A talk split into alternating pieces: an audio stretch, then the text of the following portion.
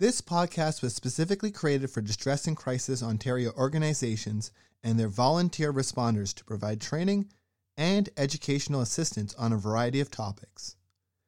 As information evolves and changes, these podcasts are meant to offer ongoing support with the goal of updating them on an ongoing basis. We thank the volunteer responders and the contributors to this podcast. Please visit our website, dcontario.org, for more information and how to access free mental health services. Thank you.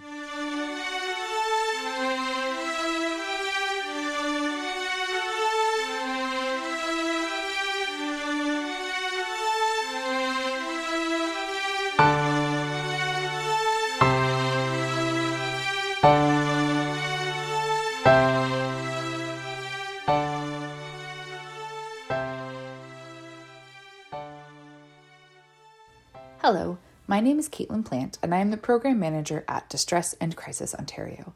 Thank you for choosing to listen to our podcast, and Happy New Year! I hope 2023 brings you peace, joy, and self compassion for the days that go wrong. Last week, my daughter and I sat down to reflect on 2022 and talked a little bit about setting New Year's resolutions. This week, I'd like to share some more information on setting resolutions for the new year, why they might not be the best idea, and how to be gentle with yourself if you do decide to set goals. The information in today's podcast comes from an article shared in our January e News and Views newsletter. If you'd like to read the full article, you can do so by signing up for our newsletters using the sign up form at the bottom of our website's homepage or by visiting www.dcontario.org forward slash resources forward slash e news dash views. The newsletter is being sent out on January 3rd and will be available on the website on the 4th.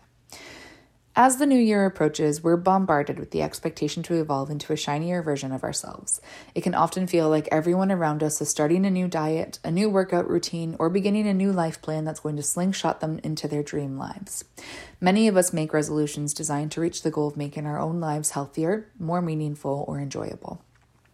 Too often, however, these New Year's resolutions don't lead to us reaching our goals because they're not realistic, well thought out, or pleasurable. People also seem to rush through deciding what their resolutions are, even though there is no deadline. It's important to think them through. As soon as we break open that fresh new calendar, we are told that happiness is just around the corner, as long as we make the right changes.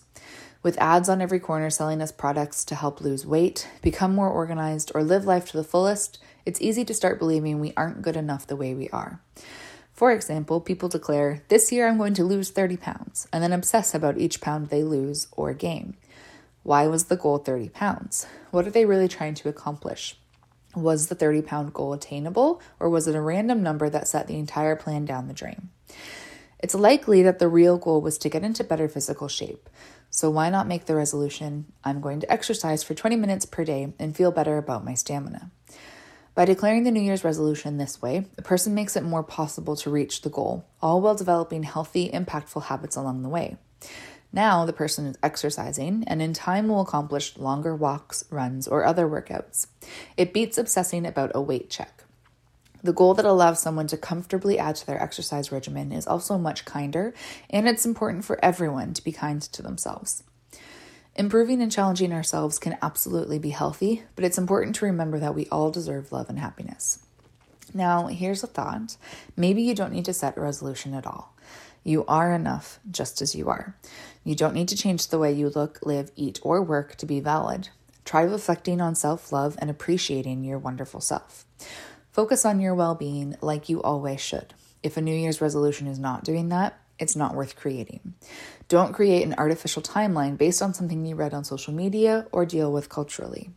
And if the resolution isn't working out the way it was supposed to, that's all right, it happens. Don't be disappointed with yourself. Adjust the goal and give it another shot. By creating a positive aura around a resolution, you're also allowing for self discovery. That self discovery will help you recognize what really brings you joy, and that will make 2023 a more joyful, healthy, successful, and meaningful new year. If the start of a new year has you feeling motivated, though, here are some tips to guide you in setting your resolutions. Reflect on what's guiding your resolution. What's at the root of your desire to change? It's important to distinguish whether it's based on self love or shame. If it's the latter, there might be more to uncover. Set realistic goals. Try to keep your goals SMART that is, specific, measurable, achievable, relevant, and time bound. If, for instance, you do want to become more physically active in 2023, start by taking small steps in that direction. Though everyone is different, it's more realistic to set a goal of going for a walk every day than reinventing yourself as a gym rat. Celebrate the small victories. Each small milestone is one step closer to your goal. If you're planning on reading more in 2023, give yourself a pat on the back each time you finish a chapter. Acknowledging steps in the right direction can be very motivating. Be kind to yourself. It's easy to feel discouraged when you hit bumps in the road, but don't be too hard on yourself. If you slip on your resolution, it doesn't mean you failed or must give up. Remember to be kind to yourself and start it up again if you can. Check in on yourself often. What you feel is best for you now might not be what is best for you as you get further into 2023. If your priorities change, that's okay. It's important to listen to your gut and adapt to life as it comes. Resolutions are often about creating short term changes for lasting impact, but how can people really create lasting change? People don't change their lives until they're ready. Anyone who works towards change because they feel societal pressure or their spouse insisted they get help won't change their lives unless they come to agree that they have a problem. But recognizing the problem is only part of the process. It's not enough to acknowledge you want to change. You must decide that the pros of changing your life outweigh the cons of staying the same. For example, does hitting the gym every day so you can get fit offer a big enough benefit that you're willing to give up time with your family to work out? If you haven't committed to that decision, you won't stick with your resolution to get fit. It's important to recognize where people are in the process of change to help them successfully navigate each stage. The strategies that help in one stage aren't effective in another. According to the trans theoretical model of change, there are five basic stages you'll pass through before creating a change in your life, like giving up smoking or starting a new diet. First is pre contemplation. You deny having a problem, but other people may be concerned. Second is contemplation. You think about the pros and cons of change. In the third stage of preparation, you take steps to get ready to make a change. In the fourth stage, you make action. You change your behavior. The fifth stage is maintenance. You figure out how to stick to your change over the long term. Newer representations of the model include a sixth stage, relapse. This reflects the fact that mistakes are part of the process, and the way you address your missteps plays a big role in your ability to stick to change. When people launch their resolutions on January 1st, they are making a change based on a calendar date when they think they are prepared to change their lives. This is the real reason most resolutions fail. What are the chances that you're going to be ready for the action stage at exactly the same time the calendar rolls over to a new year? They're probably pretty slim. Perhaps the small percentage of people who do stick to their resolutions are those lucky few whose action stage of change coincidentally occurs on January 1st. As for the failed resolutions, there's a good chance many of those individuals established a New Year's resolution because they felt pressure to do so, not because they were actually ready. Individuals with failed resolutions may be contemplative. Their change is something they've tossed around for a while, but aren't committed to doing the work. Or they may have been in the middle of the preparation stage. They've thought about some of the steps they'll need to take to equip themselves for the change, but haven't really taken the time to set themselves up for success when they jumped into action. Rather than launching your resolution on January 1st, decide you'll change your habits when you're ready to commit. Whether that means you wait a few days or you put off launching your goal for a few months, delaying your goal is better than abandoning it altogether.